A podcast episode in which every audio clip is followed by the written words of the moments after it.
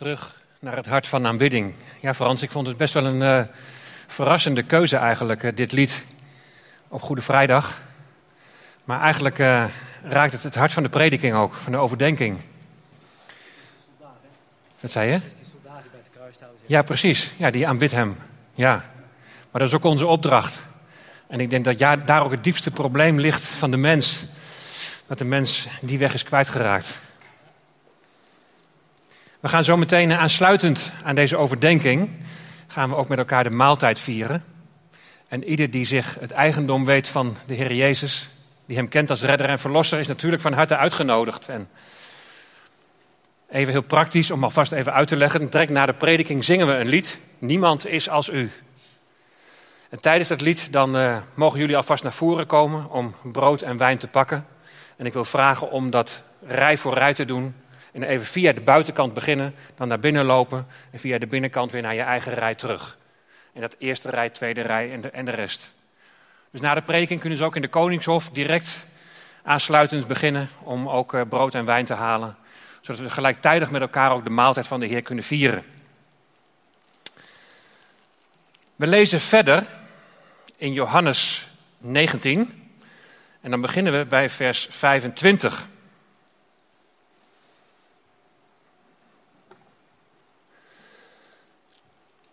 En bij het kruis van Jezus stonden zijn moeder, de zuster van zijn moeder en Maria, de vrouw van Klopas en Maria Magdalena. Toen nu Jezus zijn moeder zag en de discipel die hij lief had bij haar zag staan, zei hij tegen zijn moeder: Vrouw, zie uw zoon. Daarna zei hij tegen de discipel: Zie uw moeder. En vanaf dat moment nam de discipel haar in huis. Hierna zei Jezus, omdat hij wist dat nu alles volbracht was, opdat het schriftwoord vervuld zou worden: Ik heb dorst.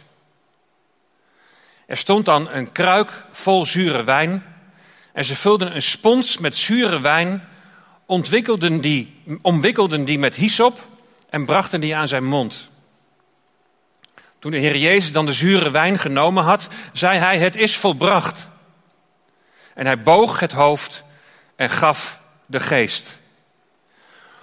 Opdat de lichamen niet aan het kruis zouden blijven op de sabbat, omdat het de voorbereiding was. Want de dag van die sabbat was een grote dag. Vroegen de Joden dan aan Pilatus of hun benen gebroken en zij weggenomen mochten worden. De soldaten dan kwamen en braken wel de benen van de eerste en van de andere die met hem gekruisigd was. Maar toen zij bij Jezus kwamen en zagen dat hij al gestorven was, braken zij zijn benen niet. Maar een van de soldaten, die stak met een speer in zijn zij en meteen kwam er bloed en water uit. En die het gezien heeft, die getuigt ervan. En zijn getuigenis is waar. En hij weet dat hij de waarheid spreekt, opdat ook u gelooft. Want deze dingen zijn geschied, opdat het schriftwoord vervuld wordt, geen been van hem zal gebroken worden. En verder zegt een ander schriftwoord, zij zullen zien op hem die zij doorstoken hebben. Tot zover de schriftlezing. Begrijpen we iets van de diepte, de rijkwijde en de grootsheid van God als de Heer Jezus zegt: Het is volbracht. Dat is mede afhankelijk van hoe je de Bijbel leest. Je kunt op verschillende manieren lezen. Ik zal het proberen om het met een voorbeeld uit te leggen. Er zijn tv-series waarbij iedere aflevering een op zich staand verhaal is. Bijvoorbeeld een politieduo die iedere aflevering weer een andere misdaad oplost. Na vier of vijf afleveringen begint het een beetje saai te worden, want het wordt voorspelbaar. Het wordt een beetje voorspelbaar hoe het af zal lopen. Er zijn ook series waarbij er een rode draad door het verhaal gaat. De verschillende op zich staande afleveringen die zijn onderdeel van een groter geheel. En gaandeweg ga je merken dat alle losstaande afleveringen met elkaar verbonden zijn, waarbij vaak alles draait om één persoon en één bepaalde situatie. En als je ineens dat grotere plaatje gaat zien, dan wordt het nooit saai. En dan ben je benieuwd naar de volgende aflevering, want iedere keer is er weer een open einde. En je bent benieuwd hoe het uiteindelijk allemaal af zal gaan lopen. In de eerste aflevering gaat er vaak iets mis. En in alle volgende afleveringen wordt er gewerkt aan een oplossing. En dan in de laatste aflevering, dan sluit ineens het net zich. Dan kan het nog wel eens zo zijn dat het anders afgelopen is dan je had gedacht. Je hebt misschien al die afleveringen, de hele situatie of bepaalde personen helemaal verkeerd ingeschat. Hoe lees je de Bijbel? Als allemaal op zich staande afleveringen. De mens, het volk wordt steeds weer ongehoorzaam aan God. God waarschuwt, God grijpt in, het volk bekeert zich, God schenkt genade en dan begint het weer van voren af aan. Dat is eigenlijk een korte samenvatting van een heel groot gedeelte van het Oude Testament. En als je dan niet begrijpt waar God mee bezig is, als je geen rode draad hebt ontdekt, dan kan het op een gegeven moment een saai verhaal worden. En natuurlijk kun je door losstaande Bijbelgedeelten of door losse Bijbelteksten heel bijzonder worden aangesproken. Als Gods geest het aan je hart bevestigt. Als Hij tot je hart spreekt. Maar het wordt allemaal nog veel groter en wijdser en dieper en veel omvattender. Als je die rode draad die er wel degelijk is, als je daar iets van mag gaan ontdekken. Heb je al zicht op het grotere plaatje? Nou, ik moet zeggen, ik ben nog steeds wat dat betreft in een leerproces. En dat zal zo blijven totdat wij Hem zien van aangezicht tot aangezicht. Op het moment dat ik weer iets ontdek van die rode draad, dan komt er daarna toch weer iedere keer een moment dat het nog groter en, en nog groter blijkt te zijn. Dat maakt ook wel tot enige voorzichtigheid om heel stellig te zijn over datgene wat je ontdekt. Omdat je van tevoren weet dat je nog steeds ziet door een spiegel in raadselen en je inzicht nog altijd beperkt is. Maar dat betekent niet dat je dan maar links moet laten liggen. Nee, we mogen met elkaar onderzoeken, met elkaar ontdekken, met elkaar de puzzelstukjes bij elkaar leggen om, zoals het staat in Efeze 3, vers 18 en 19, om zo met alle heiligen te begrijpen wat de breedte en lengte en hoogte en diepte is. Om zo met elkaar de omvang van de liefde van Christus te begrijpen. Om zo ook de breedte en lengte en diepte en hoogte te begrijpen van zijn sterven aan het kruis. Wat een daad van liefde is geweest. Waar ik de afgelopen stille week in voorbereiding op deze dienst mee bezig ben geweest, is de uitspraak van de Heer Jezus aan het kruis. Het is volbracht. En dat is wat ik vanavond graag in groter perspectief zou willen zetten. In groter perspectief dan alleen de feitelijke gebeurtenis, die op zich al bijzonder indrukwekkend is. Maar dan moet ik er direct bij zeggen dat het grotere plaatje dat ik wil schetsen nog maar een fractie is van, van, waar God onze schepper mee bezig is. Het is altijd weer groter en wijdser en dieper dan wij kunnen begrijpen en in woorden kunnen vatten. Begrijpen we iets van de diepte, van de rijkwijde, van de grootsheid van God als Jezus zegt, het is volbracht. Volbracht, dat is niet zo'n gangbaar woord in onze taal, in onze tijd. Je zou kunnen zeggen, het is gelukt. Of het is gedaan. Maar wat heeft hij volbracht? Wat is er gedaan? Waarom heeft hij dat volbracht? Maar ook waartoe? Wat, waarom en waartoe? als we helder hebben wat hij heeft volbracht, dan gaan we bij het waarom, gaan we onder andere beginnen bij de eerste aflevering van de hele serie. De eerste aflevering waar het misging. En bij het waartoe, dan kijken we naar het slot. En dan komen we uit bij het boek Openbaring. Waar alles uiteindelijk toe dient. Waar alles uiteindelijk op uitloopt. En op deze manier ga je een prachtige, mooie rode draad in de Bijbel ontdekken. En iets van Gods plan snappen. Heb je wel eens over nagedacht wat Jezus daarmee zegt, wat hij daarmee bedoelt als hij zegt het is volbracht? Wat heeft hij volbracht? Als ik voor mijn doen een grote prestatie heb geleverd, bijvoorbeeld door een heel eind te fietsen, dan kan ik aan het eind nog wel eens zeggen: Oh, het is volbracht. Het is gelukt. Je hebt voor jouw gevoel heb je een grote prestatie geleverd en je voelt dat aan je hele lichaam. Maar is dat hier de betekenis? Het is gelukt en, en, en wat is dan gelukt? Hangen aan een kruis, dat vergt een ongelofelijke inspanning. Want je probeert steeds je lichaam wat op te duwen om, om, om maar niet te stikken. Het is een vreselijke marteling. En vergeet ook niet dat de Heer Jezus daarvoor is gegezeld. En, en zijn rug, die moet er vreselijk hebben uitgezien. En dan vlak voordat de Heer Jezus zijn laatste adem uitblaast, dan zegt hij, het is volbracht. Wat is er dan volbracht? Wat is er dan gelukt op dat moment? Dat hij het lijden heeft doorstaan? Dat is natuurlijk wel zo. Hij heeft het lijden doorstaan, een vreselijk lijden, een onmenselijk lijden. Maar is daarmee alles gezegd als de Heer Jezus zegt het is volbracht? Weet je, om hier verder mee te komen, moet je weten wat het oorspronkelijke woord voor volbracht, tetelestai, wat dat betekent. En de werkwoordsvorm van dit woord betekent in de basis het uitvoeren van de wil van iemand, het zij van zichzelf, het zij van een ander.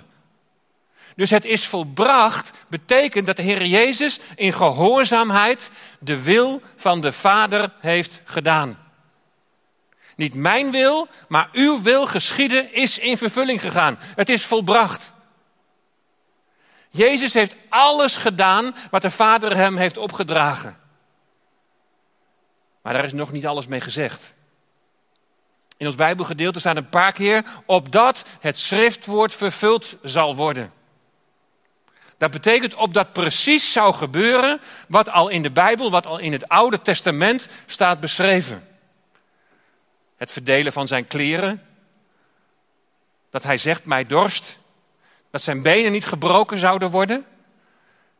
Deze details en, en nog vele andere, zoals Jezaja die zegt dat hij als lam ter slachting zal worden geleid, stonden honderden jaren voor de bekruisiging al beschreven. Dus het is volbracht, betekent dat de wil van de Vader is gebeurd. Maar ook dat het precies zo is gegaan als de profeten hebben beschreven. Dat had de Heer Jezus ook tegen zijn discipelen gezegd. Zie, we gaan naar Jeruzalem en alles wat geschreven is door de profeten zal aan de zoon des mensen, dus aan de Heer Jezus, volbracht worden. Zo zal het uitgevoerd worden. Dus wat is volbracht? De wil van de Vader en precies zoals de profeten het hebben beschreven. Maar dan komt de tweede vraag: waarom? Wat is dan de wil van de Vader en waarom moest Jezus die weg volbrengen langs een weg van lijden en sterven? De reden dat de Heer Jezus naar deze aarde kwam, die lees je al bij zijn geboorte. Matthäus 1, vers 21. En zij, Maria, zal een zoon baren en u zult hem de naam Jezus geven, want hij zal zijn volk zalig maken. Hij zal zijn volk redden van hun zonden hey, zijn volk. Hij kwam allereerst kwam hij voor zijn volk. Allereerst kwam hij voor de verloren schapen van het huis van Israël. Om hen te redden, opdat zij weer tot zegen zouden zijn voor de volkeren. Oké, maar dan staat nog steeds de vraag: Waarom moest dat langs een weg van lijden en sterven? Misschien heb je van kindsbeen af meegekregen dat de Heer Jezus voor jouw zonden is gestorven aan het kruis. En dat je door die vergeving van zonden, dat jij straks naar de hemel mag. Op die dag in de hemel, wat een dag, wat een vreugde zal dat zijn, dan zijn wij bij Jezus en dan klinkt het overwinningslied. En jouw zonden zijn dan een optelsom van alles wat je verkeerd doet, wat niet in overeenstemming is met Gods wil. Dat is op zich allemaal waar. Maar weet je, het plaatje is veel en veel groter. Het gaat veel dieper dan deze eenvoudige voorstelling van zaken. En het is maar de vraag of de hemel het einddoel is. Het grotere plaatje. Het normale Griekse woord voor zonden, hamartia, betekent doelmissen. Schieten, maar niet raakschieten. En dit gaat veel verder dan een lange lijst van dingen die je wel en niet mag doen en waar je je dan wel of niet aan houdt. De mens is met een doel geschapen en dat gaat in de eerste aflevering in Genesis al mis. En die mens, Frans, die is geroepen om God te aanbidden. Terug naar het hart van aanbidding. De mens is geroepen om beelddrager van God te zijn. Om Hem in deze wereld te weerspiegelen. Dat betekent dat je iets van het karakter en het wezen van God laat zien. Dat je bijvoorbeeld zijn onvoorwaardelijke liefde weerspiegelt. Dat je in de manier van omgang met elkaar laat zien dat je van Hem bent. Dat Hij je oorsprong is. En ten tweede, in het verlengde daarvan, is de mens als rentmeester op deze aarde aangesteld. Rentmeester, dat betekent dat je alles wat op deze aarde aan je is toevertrouwd, dat je daar goed voor zorgt, dat je dat goed beheert. Dat je ervoor zorgt overeenkomstig de wil van God. Adam en Eva gaven dit rentmeesterschap, het regeerambt wordt het ook wel eens genoemd over deze wereld, dat gaven zij uit handen toen zij zich lieten verleiden door Gods tegenstander. Het beelddrager van God zijn werd op die manier vermengd. De Heere God kwam niet langer op de eerste plaats. Ze waren geroepen om God te aanbidden, maar vervielen door te luisteren naar Gods tegenstander in afgoderij. Ze lieten zich verleiden door iets van deze schepping dat ze begeerden om tot zich te nemen, de verboden vrucht. Weet je, afgoderij doet zich telkens voor wanneer je iets in de geschapen orde, zoals hier de begeerte naar een vrucht, als je dat boven de schepper stelt. Als je iets van deze schepping eert, dan meer eert dan de schepper zelf, dan is dat afgoderij. En wanneer mensen die schepping boven de schepper vereren, geven ze hun macht, hun autoriteit, hun van God ontvangen gezag om rentmeester te zijn, geven ze weg. En die afgoderij, die resulteert in slavernij. Je bent niet meer vrij. Je leeft in de macht van de zonde. Je leeft in de macht van de duisternis. Je draagt je van God ontvangen autoriteit over aan de heerschappij van Satan. En dat is wat er gebeurt. Hij die alles kapot wil maken in je leven en die de mens ertoe aanzet om het kwade te doen. En we zien daarvan de gevolgen in de wereld om ons heen. Niet God, maar de schepping, het stoffelijke, het materiële wordt aanbeden. Neemt een grotere plaats in dan God zelf. En afgoderij, dat is de diepte van het probleem. Omdat het je van God scheidt.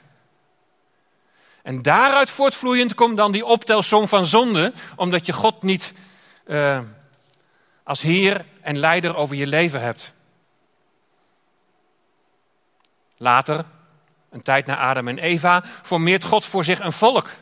Israël werd tot een koninkrijk van priesters geroepen.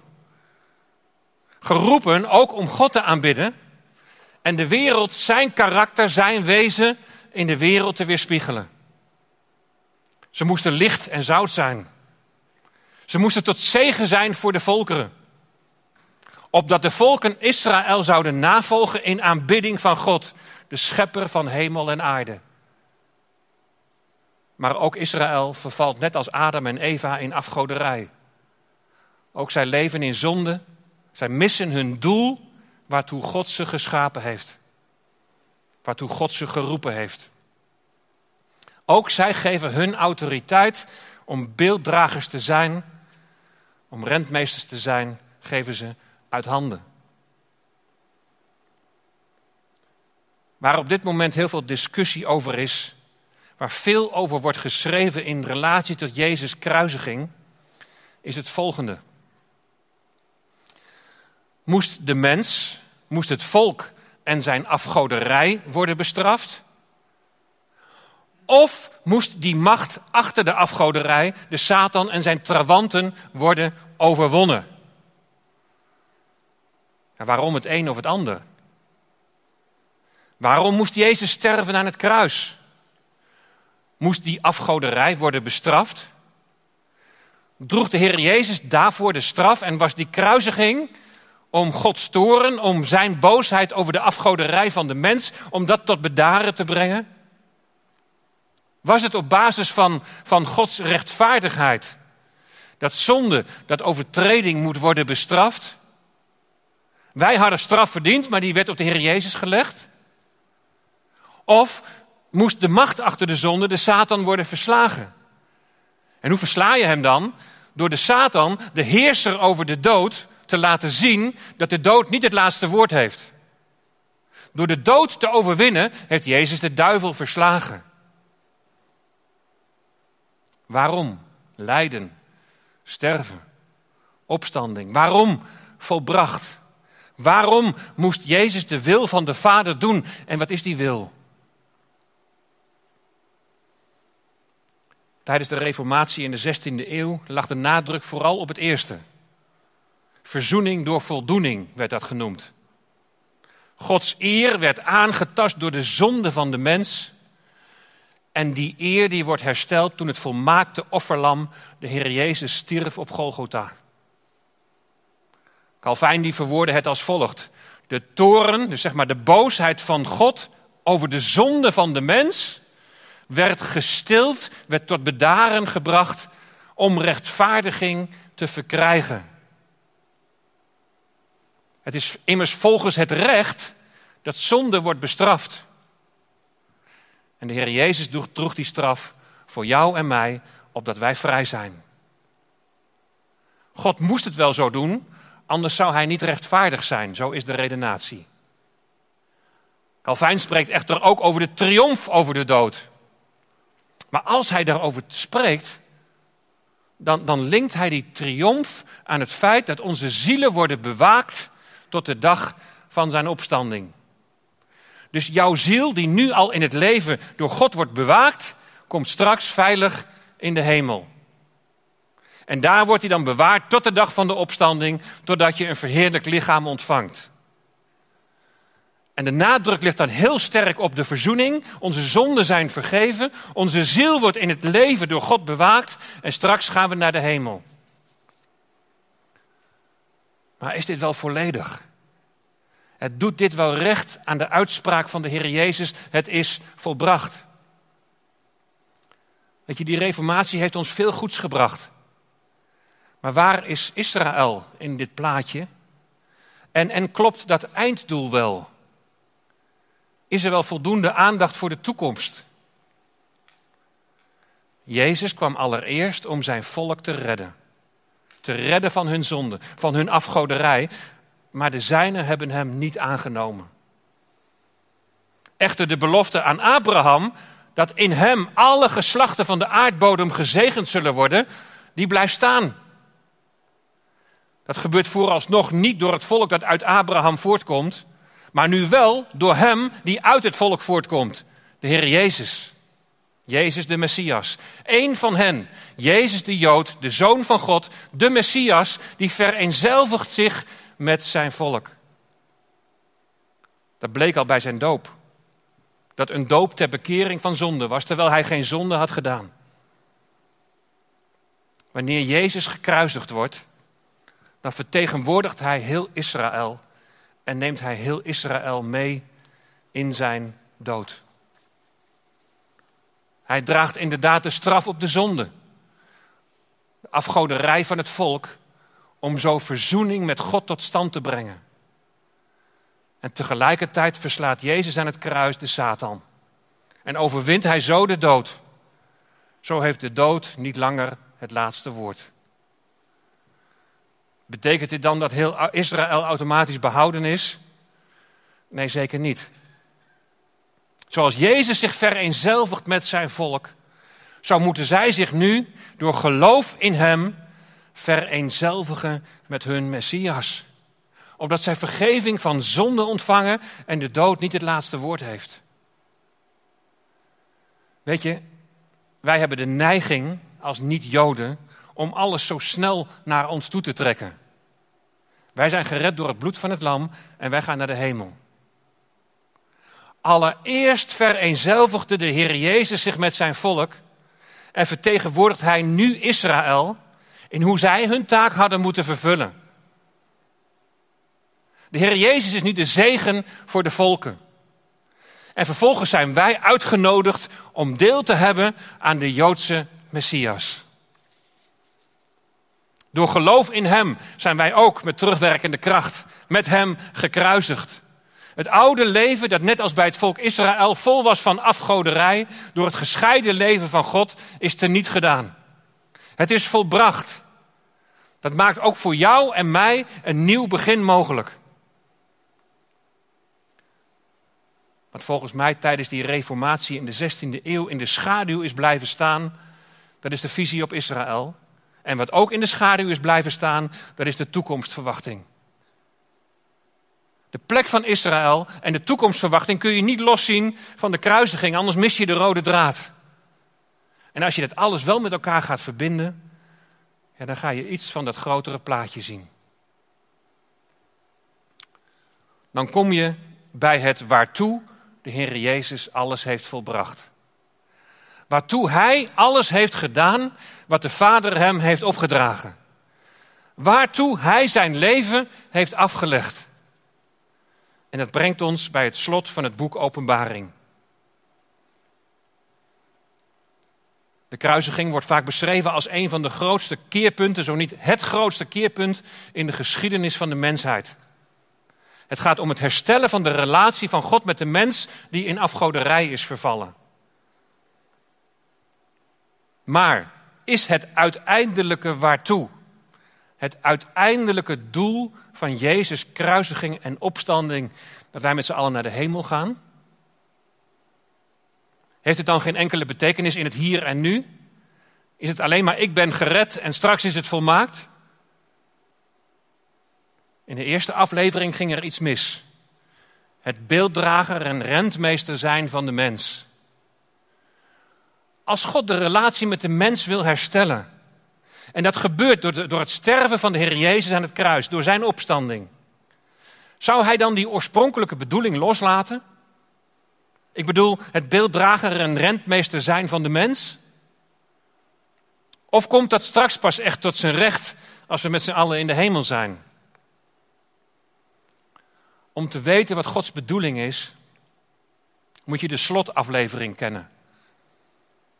En natuurlijk weet ik dat er allerlei eindtijdvisies zijn, maar we zijn het er denk ik wel over eens dat er uiteindelijk een nieuwe hemel en een nieuwe aarde zal komen. Je leest daar in Openbaring 21. En de woorden die je in Openbaring 22 leest, die doen je denken aan een paradijselijk herstel waar de boom des levens centraal staat. Het zal worden zoals het oorspronkelijk was bedoeld. Het is volbracht betekent dat Jezus heeft uitgevoerd wat de wil van de Vader was op, tot op dat moment. Het is het fundament voor wat nog verder tot stand gebracht moet worden, een herstel van deze schepping. In Efeze 1, vers 10 lees je over het goddelijk voornemen om in de Messias alles in de hemel en op de aarde bijeen te brengen. Er zal een moment zijn dat alles op de aarde zal zijn als in de hemel. Precies zoals de Heer Jezus zijn discipelen leerde bidden in het Onze Vader. Misschien ken je het oude lied nog wel. Daar ruist langs de wolken een lieflijke naam die hemel en aarde verenigt tezamen. En dat is wat de Heer Jezus zal doen. Een nieuwe hemel en een nieuwe aarde. En dan zal de mens weer volmaakt beelddrager van God zijn. Volmaakt rentmeester. Ons einddoel is niet de hemel. Dat is te beperkt. De aarde zal worden hersteld. En daar zal het zijn als in de hemel. En als die nieuwe hemel en die nieuwe aarde een feit zijn, dan zal Gods wil geschieden, gelijk in de hemel, zo ook op de aarde. Dan zal er geen afgoderij meer zijn. Mensen zijn niet voor de hemel gemaakt, maar voor de nieuwe hemel en de nieuwe aarde. Het grote slottafereel van de Bijbel is de samenvoeging van hemel en aarde. En daar in aanwezigheid van God en in aanwezigheid van het lam zullen de verlosten weer de rol gaan spelen die vanaf het begin in Genesis voor hen klaar lag. Jezus sterven, Jezus dood, heeft te maken met het herstel van de menselijke roeping. Is het dan slechts nu gered en straks in die volmaaktheid? Heeft de Heer Jezus enkel en alleen daarvoor zijn leven gegeven? Dat is natuurlijk al heel wat. Maar het moet toch ook een betekenis hebben in het hier en nu. En daar gaan we eerste paasdag bij stilstaan. Wat betekent het is volbracht voor jouw dagelijkse leven nu? Het is volbracht. De Heer Jezus heeft de wil van de Vader gedaan, precies zoals het beschreven is in het woord.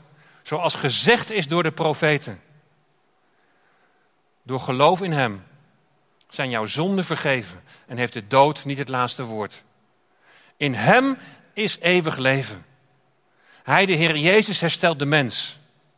Hij zal zijn volk herstellen. En nog groter, dieper en wijdser, hij zal deze schepping zal hij herstellen. En het herstel is ingeluid op het moment dat de Heer Jezus werd gekruisigd. En toen hij opstond uit de dood. Terug naar het hart van aanbidding. Zijn daad van onvoorwaardelijke liefde vraagt om een reactie. Wij gaan onze aanbidding gaan we voortzetten in een lied. Kijk, aanbidding is een levenswijze. Maar we mogen het ook uitdrukken in liederen die we zingen. En dan zingen we: Niemand is als u. Niemand die mijn hart zo vervult zoals u. Waar is je hart mee vervuld? Vervuld met Christus, vervuld met Zijn liefde, vol van Zijn genade. Uw liefde stroomt als een brede rivier. Genezing komt door uw hand. Angstige kinderen schuilen bij u. Niemand is als u. Het is volbracht. Amen.